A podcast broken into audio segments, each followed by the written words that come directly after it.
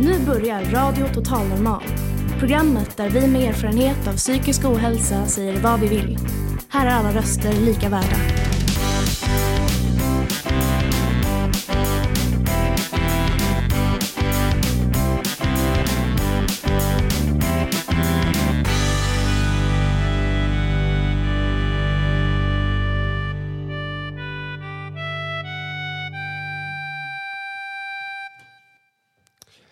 Hej och hjärtligt välkomna ska ni vara till Radio Total Normal, ditt psyke i etern. Ni hittar oss som vanligt på 101,1 MHz i Stockholms närradio. Dagens sändning utgår från matsalen på Fountain House, Stockholm och framför mig har jag en härlig publik. Underbart. Vi har många gäster till dagens ära, däribland Daniel Östersjö, högaktuell med Beppe Wolgers sånger från Vattudalen. Vi gästas även av Lill-Marit Bugge och Nervösa Damteatern och Ängsliga Herrar. Dessa ska framföra radioteaterstycket Röda tråden. Vidare är vi nog många som att undra vad som händer i Iran och hur det känns för de iranier som befinner sig här i Sverige. Vi ska därför tala med Sara Rad och med Arjan som båda härstammar från Iran. Arjan kommer ni för övrigt kanske ihåg från förra programmet där han berättade för våra lyssnare om Rainbow Refugees. Med oss har vi också idag Therese Forslund som ska berätta om sin utställning Borderline som hålls här på Louie Louie på Södermalm. Vi bjuder även på mer livemusik, betraktelser ur livet samt lite annat smått och gott. Dagens program följer för övrigt ett tema som på samma sätt som Nervösa damernas titel följer en röd tråd. Den uppmärksamma lyssnaren gör därmed rätt att hålla utkik efter vad denna röda tråd skulle kunna tänkas vara. Med allt detta sagt hälsar jag, dagens programledare Sergej, alla lyssnare hjärtligt välkomna till dagens sändning.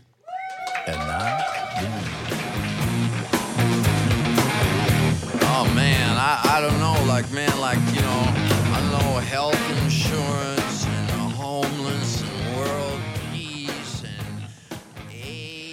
Dagens första gäst, Daniel Östersjö, har nu intagit scenen.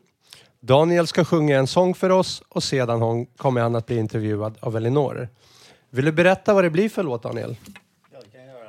Det här eh, är en sång som eh, heter eh, Kölden och ge. Och den är på jämtländska så att oh yeah betyder inte oh yeah utan betyder och jag. Eh, den är från en diktsamling av Beppe Wolgers och eh, dikten heter Jan i Klövsand. Låter underbart.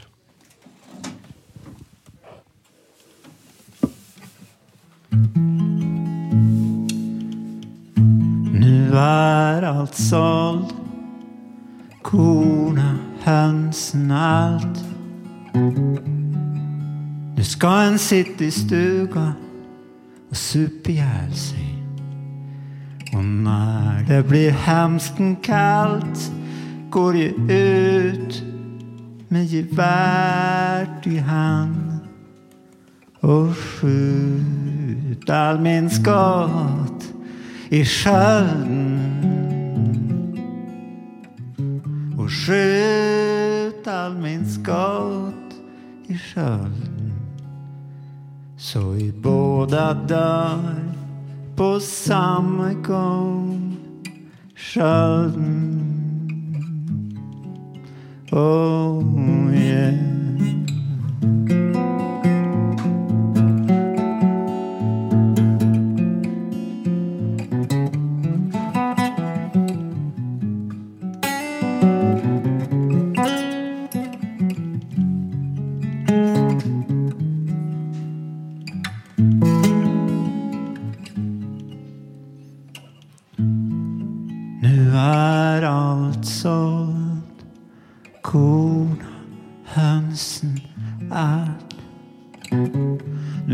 han sitt i stugan och sup ihjäl sig.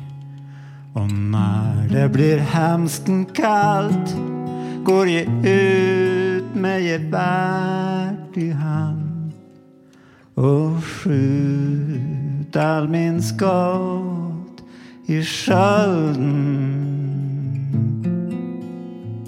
Och skjut all min skott i skölden så vi båda dör på samma gång.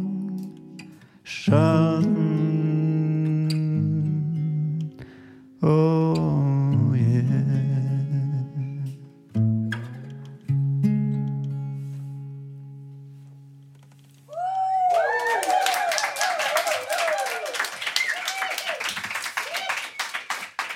Tusen tack.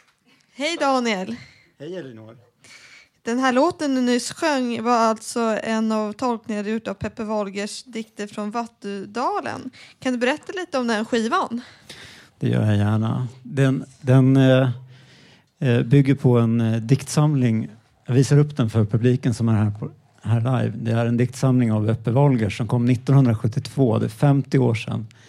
Eh, han hade precis flyttat till, till Jämtland och eh, eh, gick runt och pratade med folk som bodde där ute i stugorna och så samlade han på sig deras berättelser. Och det, de berättelserna i den här diktsamlingen, alltihopa på jämtländska på det sätt som Beppe Wolgers uppfattade det. Ja, vad intressant. Hur fick du den idén till det här? Så vitt jag vet finns det inte så många som har tonsatt de här dikterna förr.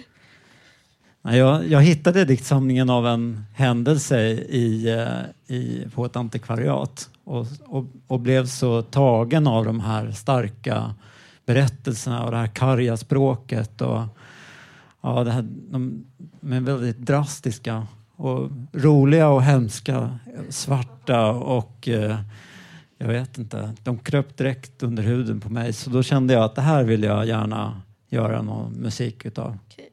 Kan du berätta om innehållet i låtarna slash dikterna? Vad handlar de om? Ja, den här som jag spelade nyss, eh, vet inte, den borde ju handla om, om eh, hur hemskt det är att bli gammal. Det är kanske många som, som känner att de saknar, saknar sammanhang när, när man inte längre kan bidra. Eh, så behöver man ju kanske inte jag hoppas att den här eh, Jan i Klövsand, att han inte, att han inte ehm, tog sitt gevär och gick ut och sköt, sköt sönder kölden. Men, men, men det är en vä- en väldigt stark dikt i alla fall tycker jag. Hur var det att arbeta med det här? Du är ju stockholmare. Hur är det att sjunga på den här dialekten som är ganska bred? Ja, eh,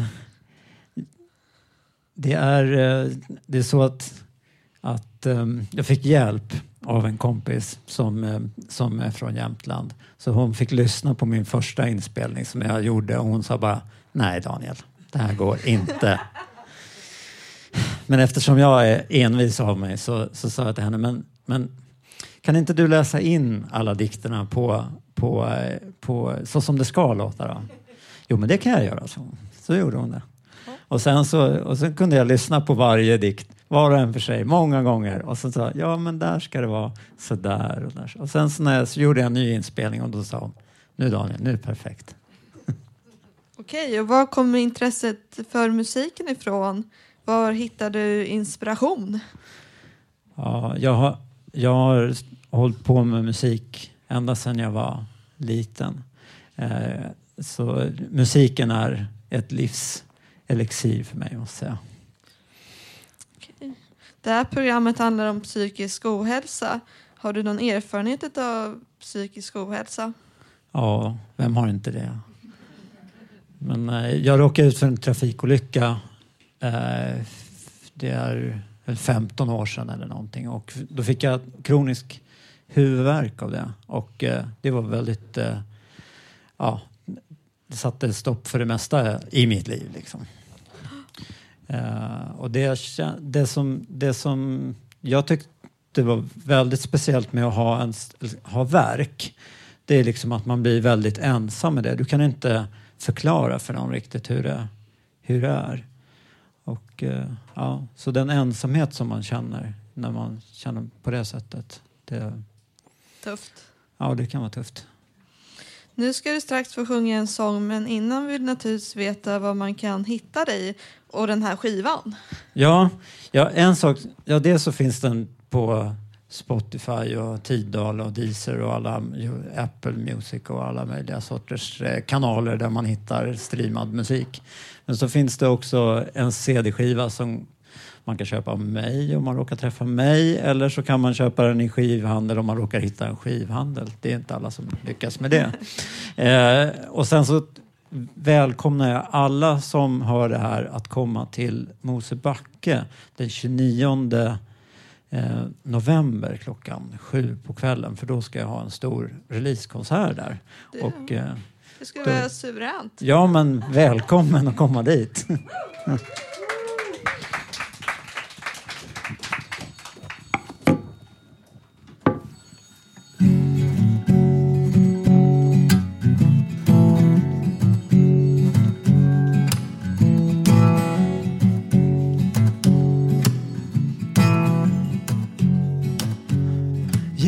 för stolt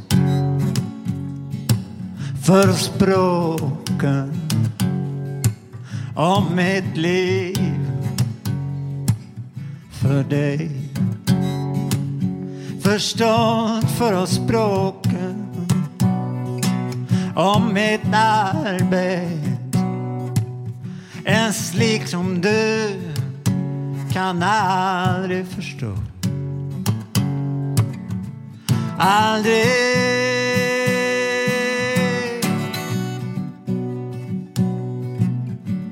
Aldrig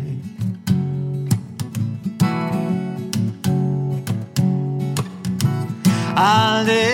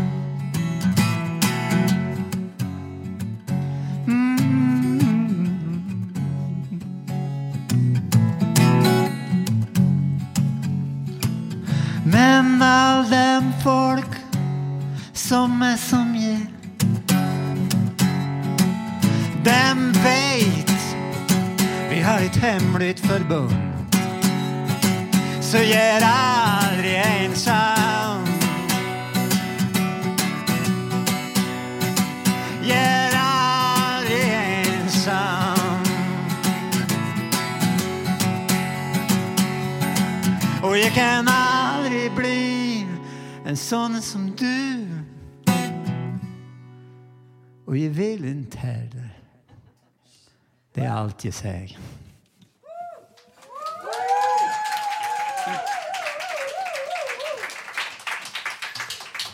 Ja, vad säger man? Ljuvlig musik och intressant med historia bakom musiken. Tack snälla Daniel för att du kom och ville sjunga för oss och våra lyssnare. Och för er som vill höra mer vill jag påminna om att ni kan hitta Daniel på Spotify och kom gärna och besök hans release på Mosebacke den 29 november.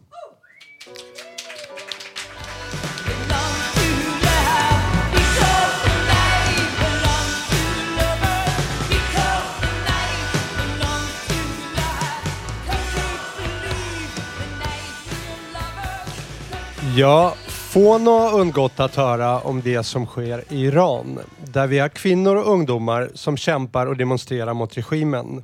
Trots att de riskerar sina liv. Hur är det då för att vara iranier i Sverige och följa det som händer i hemlandet?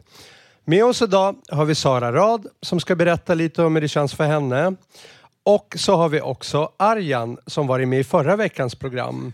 Han kommer också reflektera och sjunga en sång. Samtidigt har vi vår alldeles egna Malin som ska intervjua dessa två fantastiska personer. Ja, tack så mycket. Jag producerar annars så nu ska jag intervjua lite för att trycka in här. Så, ja. Men som sagt, ja, jag har ju själv sett på sociala medier och allt sånt där och blivit väldigt, väldigt rörd av det som händer i Iran. Nu tänkte jag hur det är. Nu börjar jag att prata på svenska med dig Sara Rad, så kommer jag att prata med Arjan också efter en stund. Men om du vill förklara, vad är det egentligen som händer i Iran? Mm. Eh, först och främst vill jag säga hej. Jättekul att vara här hos er. Um, ja, vad är det som händer? Det sker ett, en feministisk revolution just nu. Um, det började för över 60 dagar sedan eh, i följd av, död, eh, av att regim, eh, polisen, styrkorna eh, ja, men orsakade döden på Mahsa Amini, en 22-årig kurdisk kvinna. Och sen dess så har det varit protester på i olika former, på gator, um, på liksom universitet. Allting är en protest. Att kyssa varandra på gatan är en protest. Att skratta är en protest. Att dansa är en protest. Men även att liksom vara på gatan och visa sitt missnöje med regimen. Uh, och ja, folk har inga vapen men de blir beskjutna av regimstyrkorna. Och väldigt många har tyvärr mist livet de här 60 dagarna. Och då tänkte jag, hur känns det då för dig som är iranier att se det här hända i hemlandet? Jag tror vi alla som tillhör diasporan, alltså är utanför Iran, eh, vaknar med liksom, den här sorgen av att vi varje dag ser en ny person ha blivit eh, mördad av regimen. Um, och så, så äter vi med nyheterna, vi sover med nyheterna. Vi till och med skrattar och liksom dansar och är oss själva men vi har den här sorgen fortfarande liksom bakom oss. Jag blir tårögd. Ja, jag ser det. Mm. Ja, jag kan tänka mig det att det påverkar den psykiska hälsan. Absolut. Kan du engagera dig på något sätt? Vad menar du? Alltså att du kan via sociala medier eller någonting ha kontakt och stötta, att du känner att du kan vara med även fast du är här? Absolut. Alltså, det sker ju demonstrationer varje dag i, runt om i Stockholm. Så man försöker delta på det sättet. Men det här är också en ganska unik revolution där man, folket inte behöver pengar eller inte behöver någon annan typ av stöd förutom att vi är deras röst. Så um, kan man dela på sin egen sociala media så gör man jättestor hjälp. Så är man till jättestor hjälp.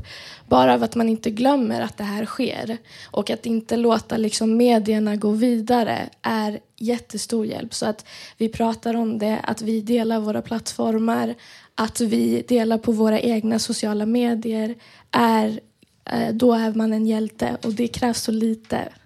Och det kan vi också alla göra och absolut, dela. Och, ja. Absolut. Det låter ju, har du släktingar och vänner kvar i Iran som kämpar i det här? Ja, majoriteten av min, min släkt är i Iran. Och eh, jag har ganska många unga kusiner som är liksom i den åldern av de eh, som är ute och protesterar. De som liksom, det är en väldigt ung, ma, ehm, det är en ung befolkning i Iran generellt. De flesta är under 30. Eh, och de som är ute på gatorna just nu är så unga som 10, 15. Oj. Och de som också har drabbats och blivit mördade av regimstyrkorna är också väldigt unga. Den yngsta kan vara sex en, eh, och de flesta är mellan 14 och 16 år. Ja, det är helt... Ja, man blir skärrad när man har... Men jag tänkte, du, du bodde i Iran när du var liten. Hur, hur är det att le, vara uppväxt i en sån regim? Kände du av det som barn? Mm. Um, ja, jag var åtta år när jag kom till Sverige. Uh, och fram tills att jag var åtta år så levde jag liksom i Iran som alla andra. um, jag gick i skolan uh, till årskurs tre. Uh, och det var, jag tror vi kommer prata om det lite senare, men det är den här dualiteten som man lever med och man lär sig väldigt, som väldigt ung att inte prata om vad man gör hemma. Hemma här kanske vi har fester, hemma kanske man dricker alkohol, hemma kanske man lyssnar på musik som man egentligen inte får lyssna på. Det gör väldigt många, majoriteten skulle jag säga gör det. Men ute på skolan så får man inte säga vad man gjorde i helgen. Eh, och man får inte säga riktigt så att, eh, man, man lär sig väldigt tidigt att skapa två versioner av sig själv. En version som regimen vill ha som man är ute på gatorna och en annan version som man är mellan sig själva. Liksom. Mm. Mm, jag förstår det. Det måste ju vara, ja. Men nu, då kanske det känns också på något sätt med allt att det känns lite hoppfullt att det verkligen att det är en revolution, att så modiga unga människor vågar stå upp mot den här regimen trots allting. Mm, absolut. Um, I folkmunnen, av misstag, så säger folk att man, kvinnorna um, eh, kvinnorna demonstrerar mot slöjan. Det, det handlar inte om slöja, det handlar om frival. Det handlar om att man ska få välja om man vill ha slöja eller inte. Det finns personer som har valt att ha slöja i Iran som är tillsammans bredvid de kvinnorna som inte vill ha slöjan och tagit av sig den. Så det handlar i princip om att ha ett normalt liv som vi har här i Sverige. Att få välja vad man vill tro på, välja vem man vill älska, välja hur man vill leva sitt liv. Och det, det är därför regimen inte kan vara kvar. För det är det, så, så fort liksom den här eh, slöjtvånget faller eh, så kommer hela regimen falla. Och det är därför de är så hårda och så eh, våldsamma mot demonstranterna just nu. Ja, det, och då kanske när det faller kanske andra patriarkala strukturer i världen också faller, att det blir fallet. Mm, vi kan bara hoppas. Så vi hoppas vi får kämpa med det här och hoppas att det blir patriarkatets fall.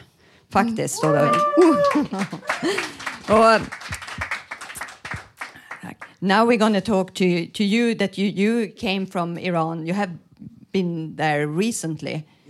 Yeah. Uh, yes, of course. Yeah, I've been Yeah, here. and yeah. we just spoke with Sarah. You have been here for many years, but you came. When did you come to Sweden? Actually, yeah, I um, came after war in the Ukraine, and just I've been in Ukraine as a student, and so then after war, I just came to Sweden. Yeah.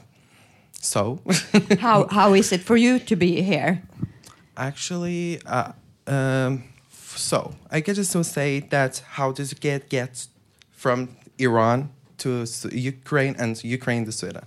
So in the U- uh, I have problem in, U- in Iran because you know that LGBTQ people in Iran haven't any chance for like to life for living for life we have we haven't any chance for living then but because there are just you know discrimination us there are can do everything that like you know it's so very you know, it's so very dramatic thing but in the end we have the death penalty with for as a homosexuality and uh, just i'm you know i just run and like to escape from Iran to the Ukraine as a student, just I want to say, okay, I can't live in Iran. I just live into Ukraine, and also in Ukraine is not a very good country for LGBT also. And but I lived. It's, a, much more better than of Iran for a living. And then is wars happened, and just I came with uh, with my help. I had I have a friend. His name is Klaus Lilia. He's Swedish American and he tried he helped me uh, to just came and to brought me here and yeah i'm just came and so i feel safe in sweden. And you have many friends left Ex- in Iran.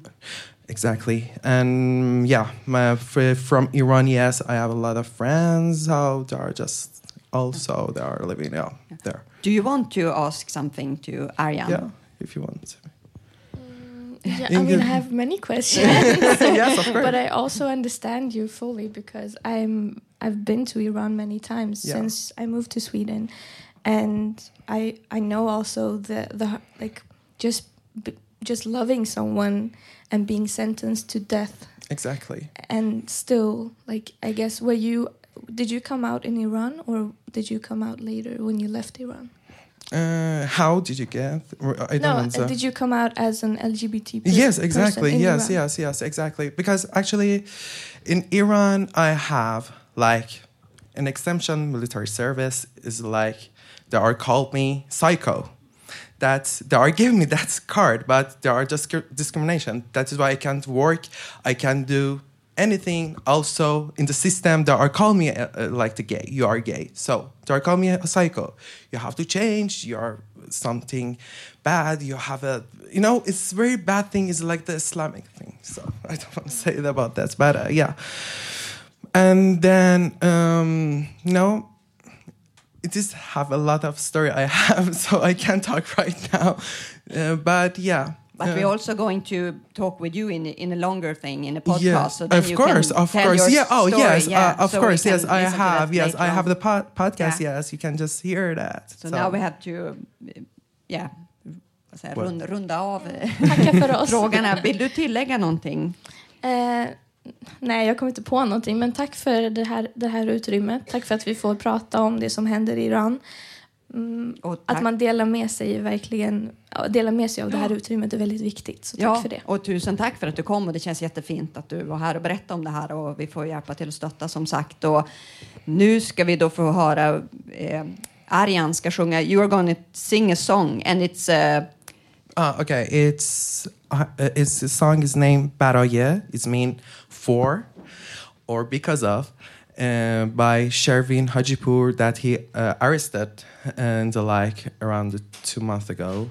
But uh, yeah, I wanna by Islamic Republic regime, and so but I wanna uh, sing in that song for you guys. Yeah, alltså Arjan ska sjunga en sång på persiska, in Persian. Yes, it's a Persian. Och vi yes. kommer ha text här uppe på, på tvn så ni som sitter i det här radiorummet kan hänga med i vad han sjunger på svenska. Och vi kan lägga ut den på, sen på vår hemsida. Så nu får ni höra den på persiska, ni där hemma i radion, men sen kan ni läsa texten då på vår hemsida och på sociala medier. Okej, tusen tack. En stor applåd för både Arjan och Sara. Och kämpa vidare och vi kämpar med er.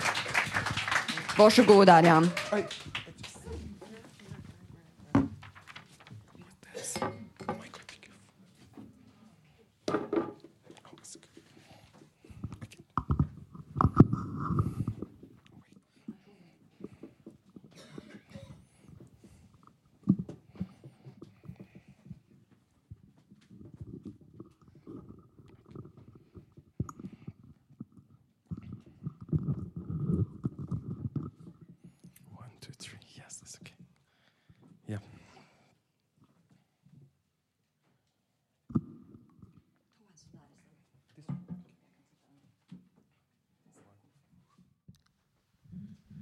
One, two. Okay.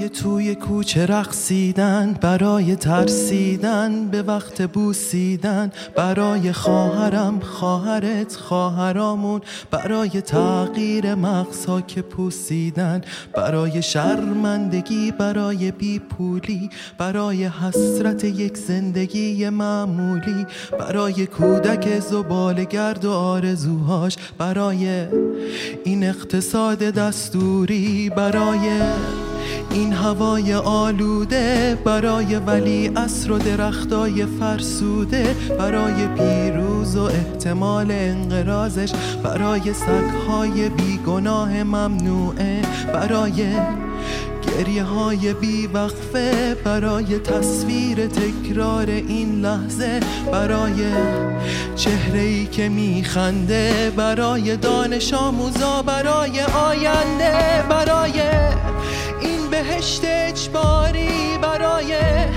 نخبه های زندانی برای کودکان افغانی برای این همه برای غیر تکراری برای همه شعارهای تو خالی. برای آوار خونه های پوشالی. برای احساس آرامش. برای خورشید پس از شبای طولانی. برای قرص های اعصاب و بیخوابی. برای مرد میهن آبادی. برای دختری که آرزو داشت پسر بود. برای زن زندگی آزادی.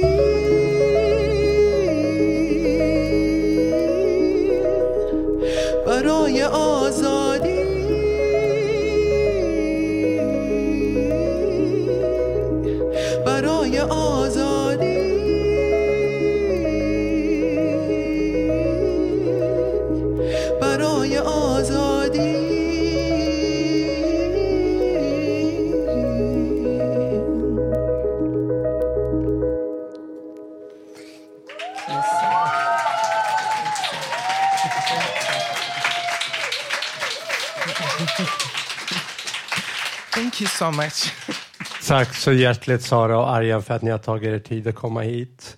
And thanks a lot, Arjen, for performing a beautiful song, even though we had some uh, tech minor technical difficulties for a while there. Thanks a bunch. Please yeah. put your hands together for Sara and Arjan.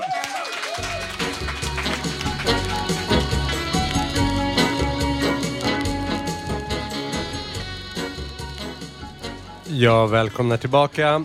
Eh, nu när vi har hört Sara och Arjans gripande berättelser och hört Arjans fina låt går vi vidare i programmet med inga mindre än sex stycken nervösa damer och två nervösa herrar med regissörer Lill-Marit Bugge som håller i tyglarna. Vill ni berätta för våra lyssnare vad ni ska bjuda oss på idag? Den röda tråden. Den röda tråden.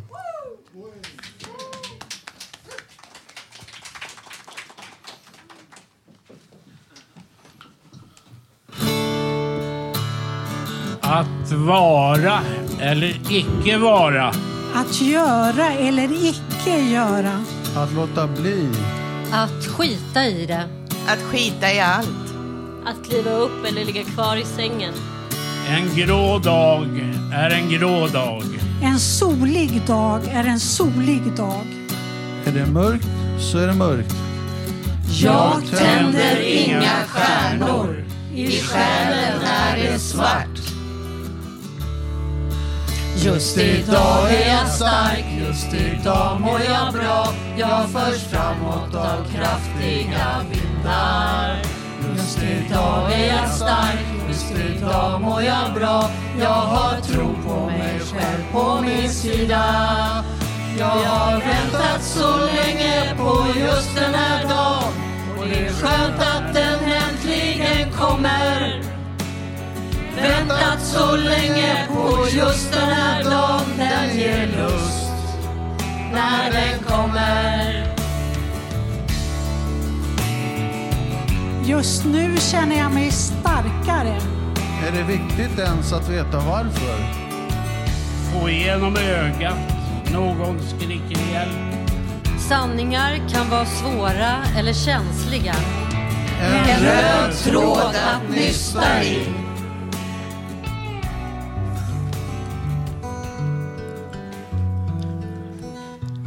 Den röda tråden. Lycka, sanning, vad ska jag bli som stor? Lärare, sjuksköterska, flygvärdinna. Jag vill bli lycklig nu. Jag vill bli lycklig nu. Jag vill bli lycklig. Jag läser Biltemas katalog. nästan alla mina vakna timmar. Tvinna, snurra, dela upp och blöta. Få igenom ögat.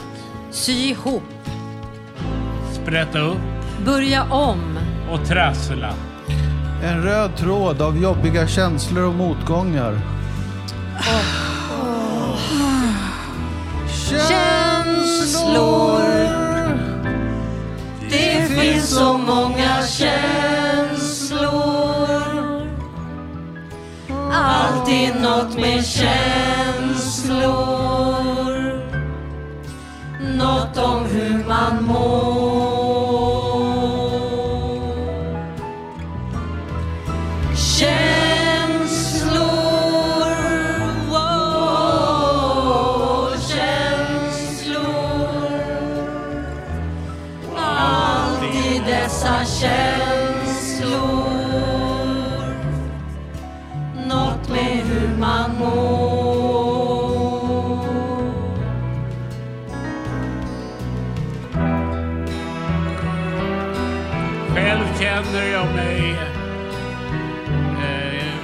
Ganska extrovert eh, i eh, teatergruppen med dess deltagare och bland andra vänner.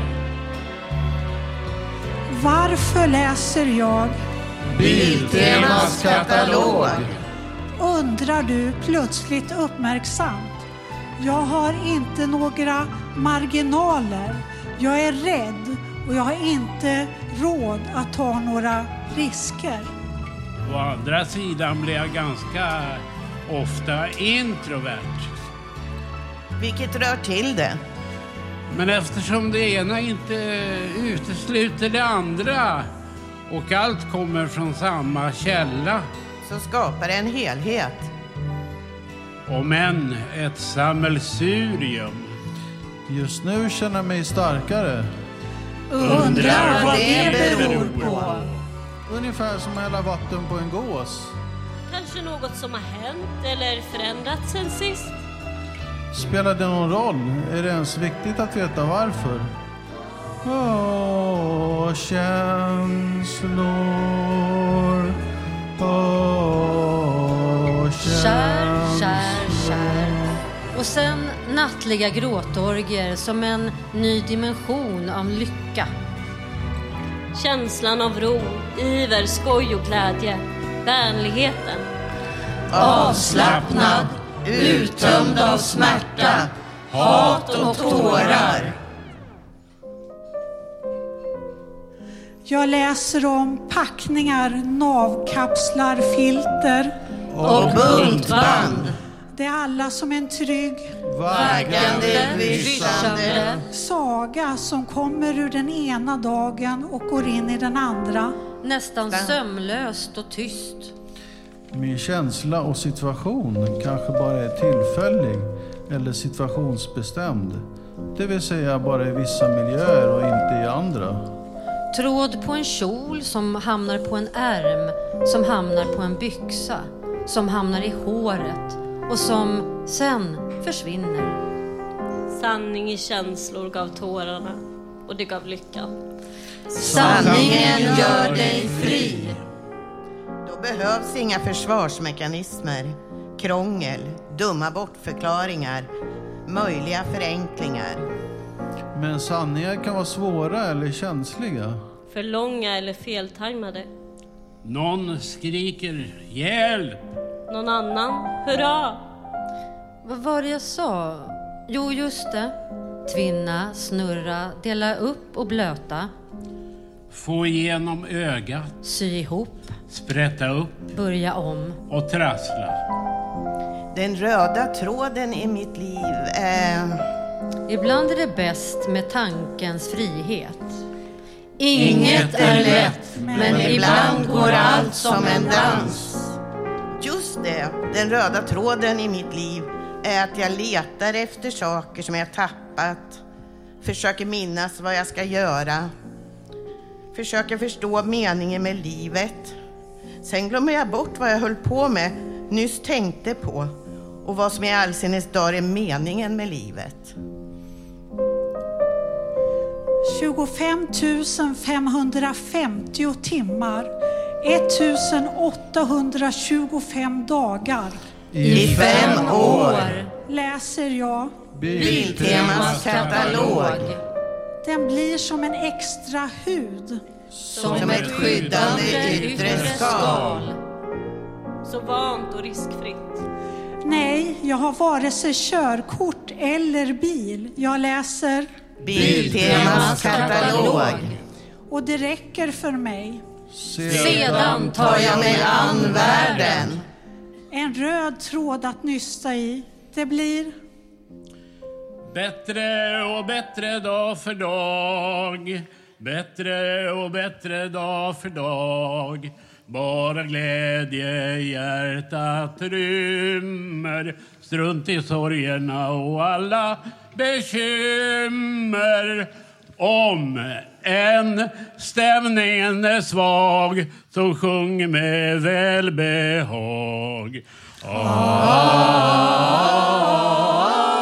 Det blir bättre och bättre dag för dag. Nej, ska vi strunta i det här nu?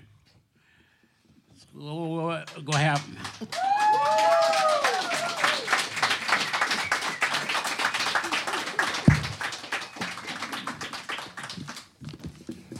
Ja, ni hör där alltså sex stycken nervösa damer och två nervösa herrar med regissören Lill-Marit Bugge i spetsen.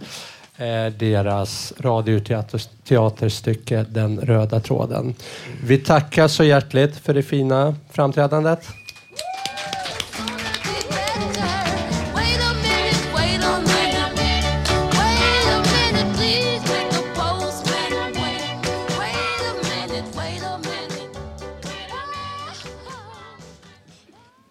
Ja, ni hörde Please Mr Postman med The Marvelettes.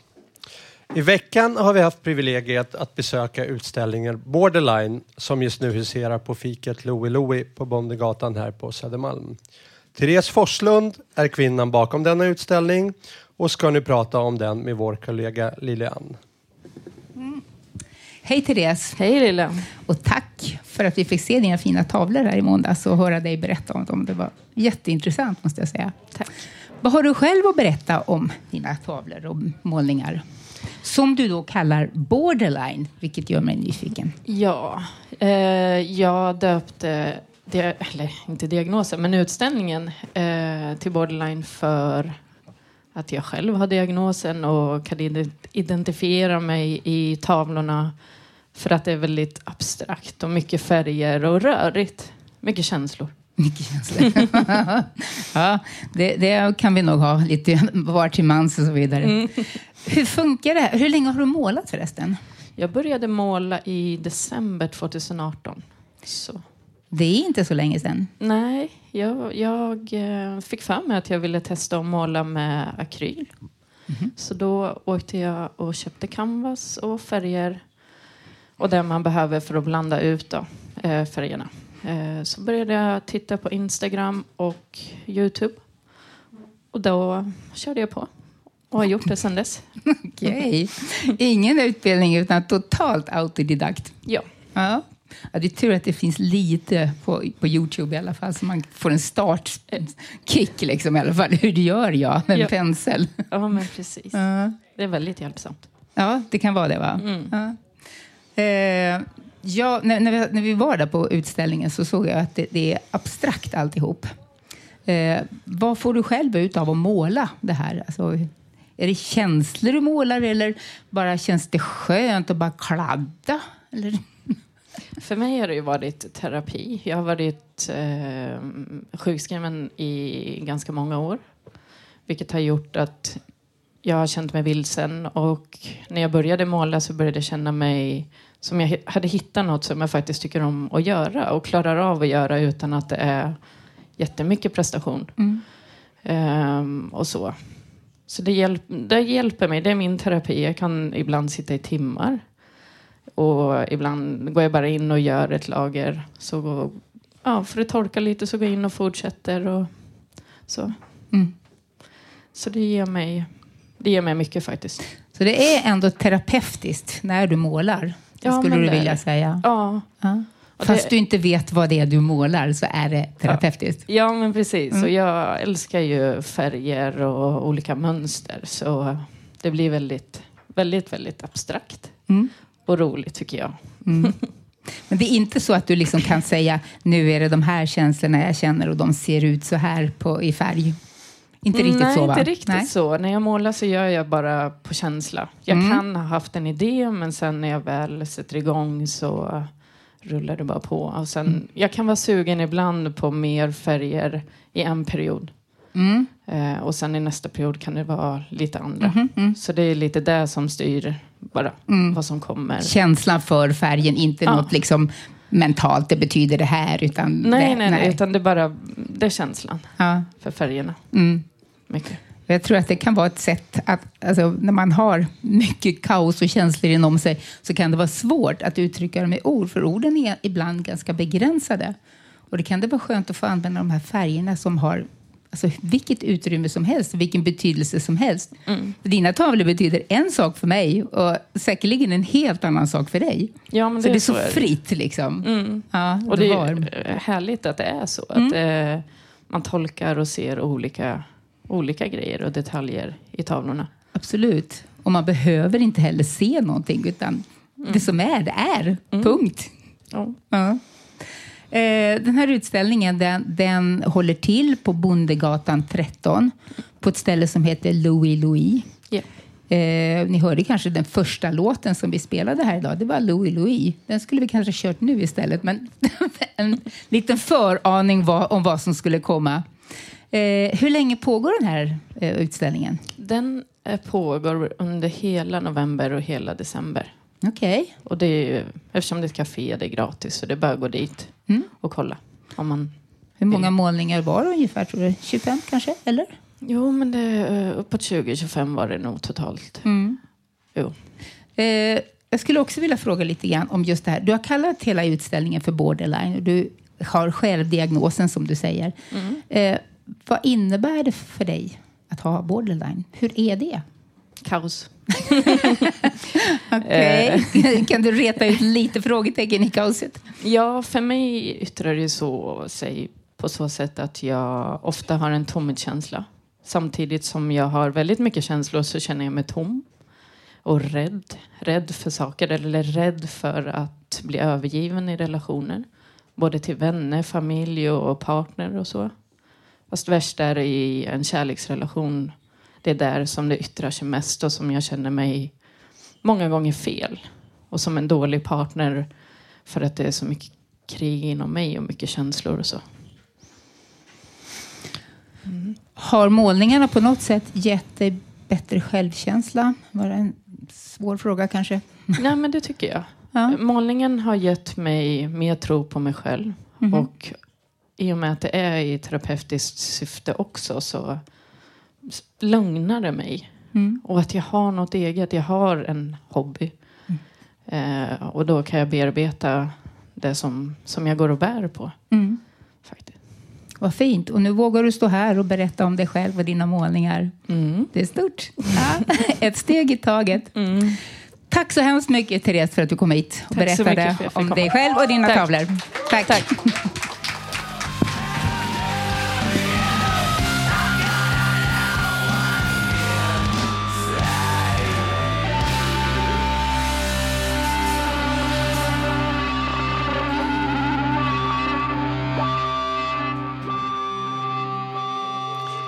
Ja, stort tack till Therese och Lili-Ann. Och även om vi kanske inte spelade låten Louie Louie i samband med det föregående segmentet så kanske vi ändå i viss mån lyckades med att återspegla det röriga och abstrakta via Marlin Mansons tolkning av Eurythmics Sweet Dreams. Ja, nu har jag en stammis bredvid mig här på scenen, nämligen Robert Navestam. Vad ska du göra idag Robert? Jag ska läsa en morgonbetraktelse, morgonpromenad på ja, närheten av där jag bor. Ja, Det tackar vi för. det blir bra. Söndag 13.11. morgon. Söndag morgon. Tre romer går lugnt på andra sidan gatan. Sopbil på Timmermansgatan. På väg från mig. Brum. Tavastgatan, Timmermansgatan. Lugnt. Inte en jävel ute. En kråka kraxar. Någon går in i en bil på en annan del av Tavastgatan, en bra bit från mig. Fåglar kvittrar i hörnet, Blecktornsgränd, Bastugatan. Det går bilar på alla lederna långt där nere. Staden vaknar till en ganska vanlig söndagsmorgon. Ljuset som ly- lyser över Riddarholmen och övriga stan ligger från ett ovanligt håll. Hela Riddarhuset, Holmen badar i ljus som ligger så att det verkar som att det kommer från Långholmen till. Ett annat håll än det brukar komma ifrån, nämligen söderifrån. Man ser staden och Riddarholmen i ett ljus som verkar helt rätt. Men från ett annat håll än vanligen. En blond flicka, helt ung, mötte mig på Tavastgatan. Taxin kör på Hornsgatan. Buss kör mot Zinkensdamm. 7.20, fortfarande morgon, på Söder. Hornsgatan går jag på. Buss 57, kommer på Hornsgatan mot Zinken. En man går in på 711, lugnt, mycket lugnt. En kvinna med sneda ögon möter mig vid Konsum. Man, medelålders, möter mig vid pizzan innan mig. Lite under kanske. Med vita öronsnäckor i tidens stil. Rygga också. 7.30 klockan. Jag låser upp och går en trappa upp. Elvis nosar på, gall på gallret innanför när ytterdörren glider upp. Precis som vanligt. Hemma, lugnt. Södermalm. Tack.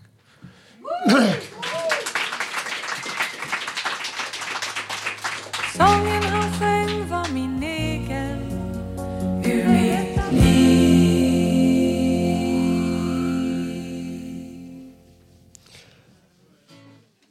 Ja, en fin tolkning här av Lill Lindfors med sången han sjöng eh, av originallåten som gjordes av Laurie Lieberman. Eh, med mig har jag här Stefan Persson som står redo med sin gitarr. Eh, hej Stefan! Hej. Du, du ryktas... Hej. Ett, två, ett, två. Ja. Ja, det ryktas om att du har skapat en ny låt, kan det stämma? Ja, stämmer. En ny låt. Ja. Skulle du vilja framföra den för oss? Ja, ja tack. Tack snälla. Då kör vi. Okej. Bara kolla ljudet här.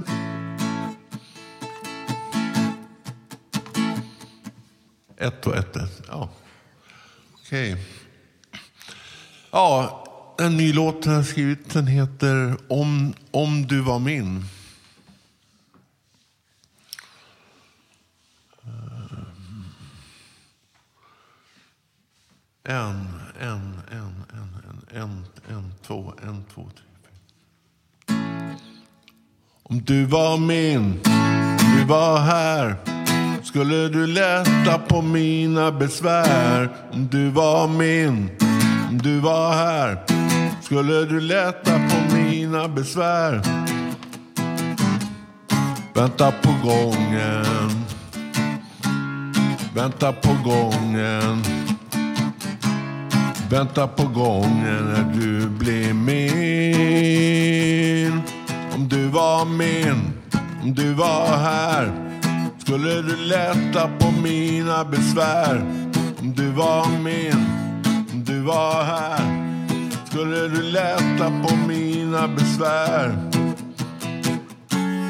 Ryckas med utav ånger Ryckas med utan ånger. Ryckas träffas på perrongen var min, du var här skulle du lätta på mina besvär du var min, du var här skulle du lätta på mina besvär du var min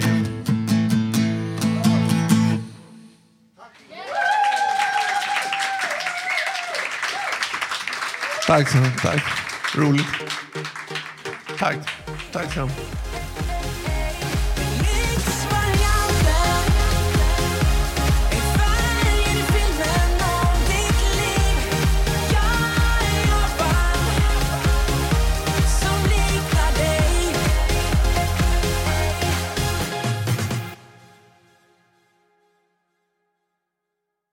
Ja, ni hörde Darin här med en cover på En apa som liknar dig. Vilket för tankarna till det vi pratade om i början av detta program, nämligen att alla de musikaliska stycken skulle följa en, röd tråd, en röd tråd. Förlåt. Och för våra lyssnare som befinner sig på plats på Fountain House Stockholm så har vi en liten tavla gjord av Robert Navestam som vi lottar ut till den lyckliga vinnaren som lyckats gissa vad den röda tråden är. Har vi några som vill försöka sig på?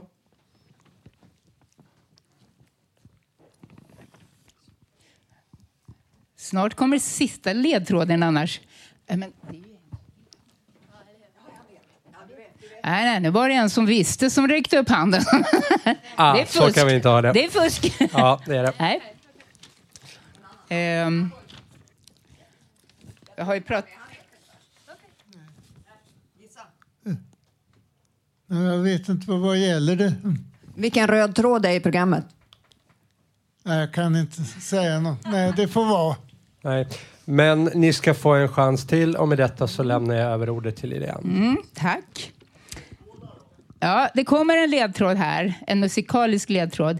Eh, jag ska bara fråga om en annan sak som, som har med tråd att göra. Eh, om det är någon som kan lista ut vad jag försöker säga. Är det någon som vet vad som blev år, blir årets julklapp? Ja, få höra. Vänta, här. Ja, det är någonting med garn. Alltså, alltså trö, stickad. Bra, jättebra. Hemstickat.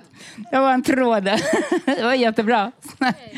Eh, så här kommer i alla fall sista ledtråden. Och eh, det är, alltså ni kommer känna igen låten. Och vi har, vi, vi har gjort om den lite grann med hjälp av en Google-översättning. Och bredvid mig har jag en kör bestående av sju personer som kommer också att hjälpa till här. Eh, så vi kör den till er. får ni fortsätta fundera på vad den tro, röda tråden består av i detta program. Jag vill inte gå till rehab. Jag säger Nej, nej, nej. jag har haft det tufft men nu är jag tillbaks. Vet, vet, vet. Jag har inte tid men min farsa stöttar mig. Men jag vill inte gå till rehab. Jag säger Stick, stick, stick. jag chillar helst här med dig. Jag har inte 70 dagar. Det finns ingenting som du kan lära mig just nu. För Mr Heather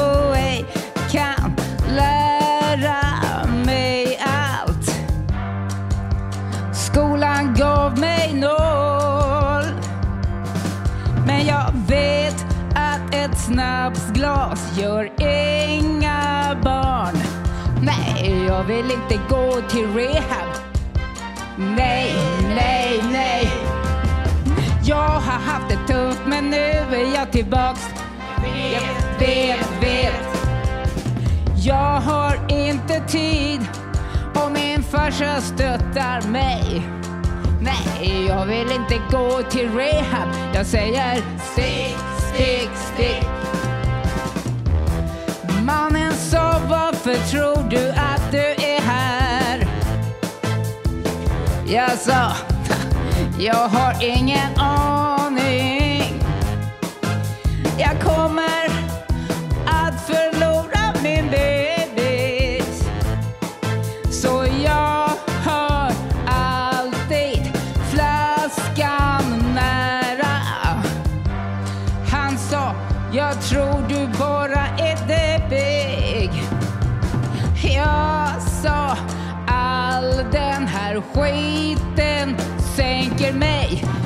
jag vill inte gå till rehab. Jag säger Nej, nej, nej. jag har haft det tufft men nu är jag tillbaks. Du vet, vet, vet. Jag slutar att dricka nu. Allt jag behöver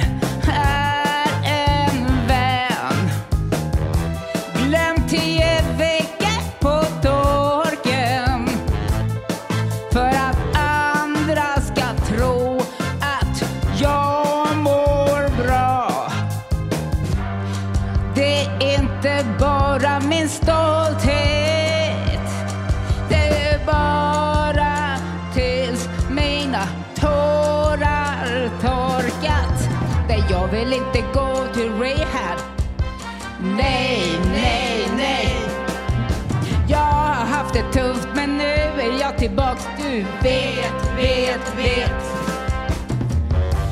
Jag har inte tid när jag dödar. Men min farsa, han stöttar mig.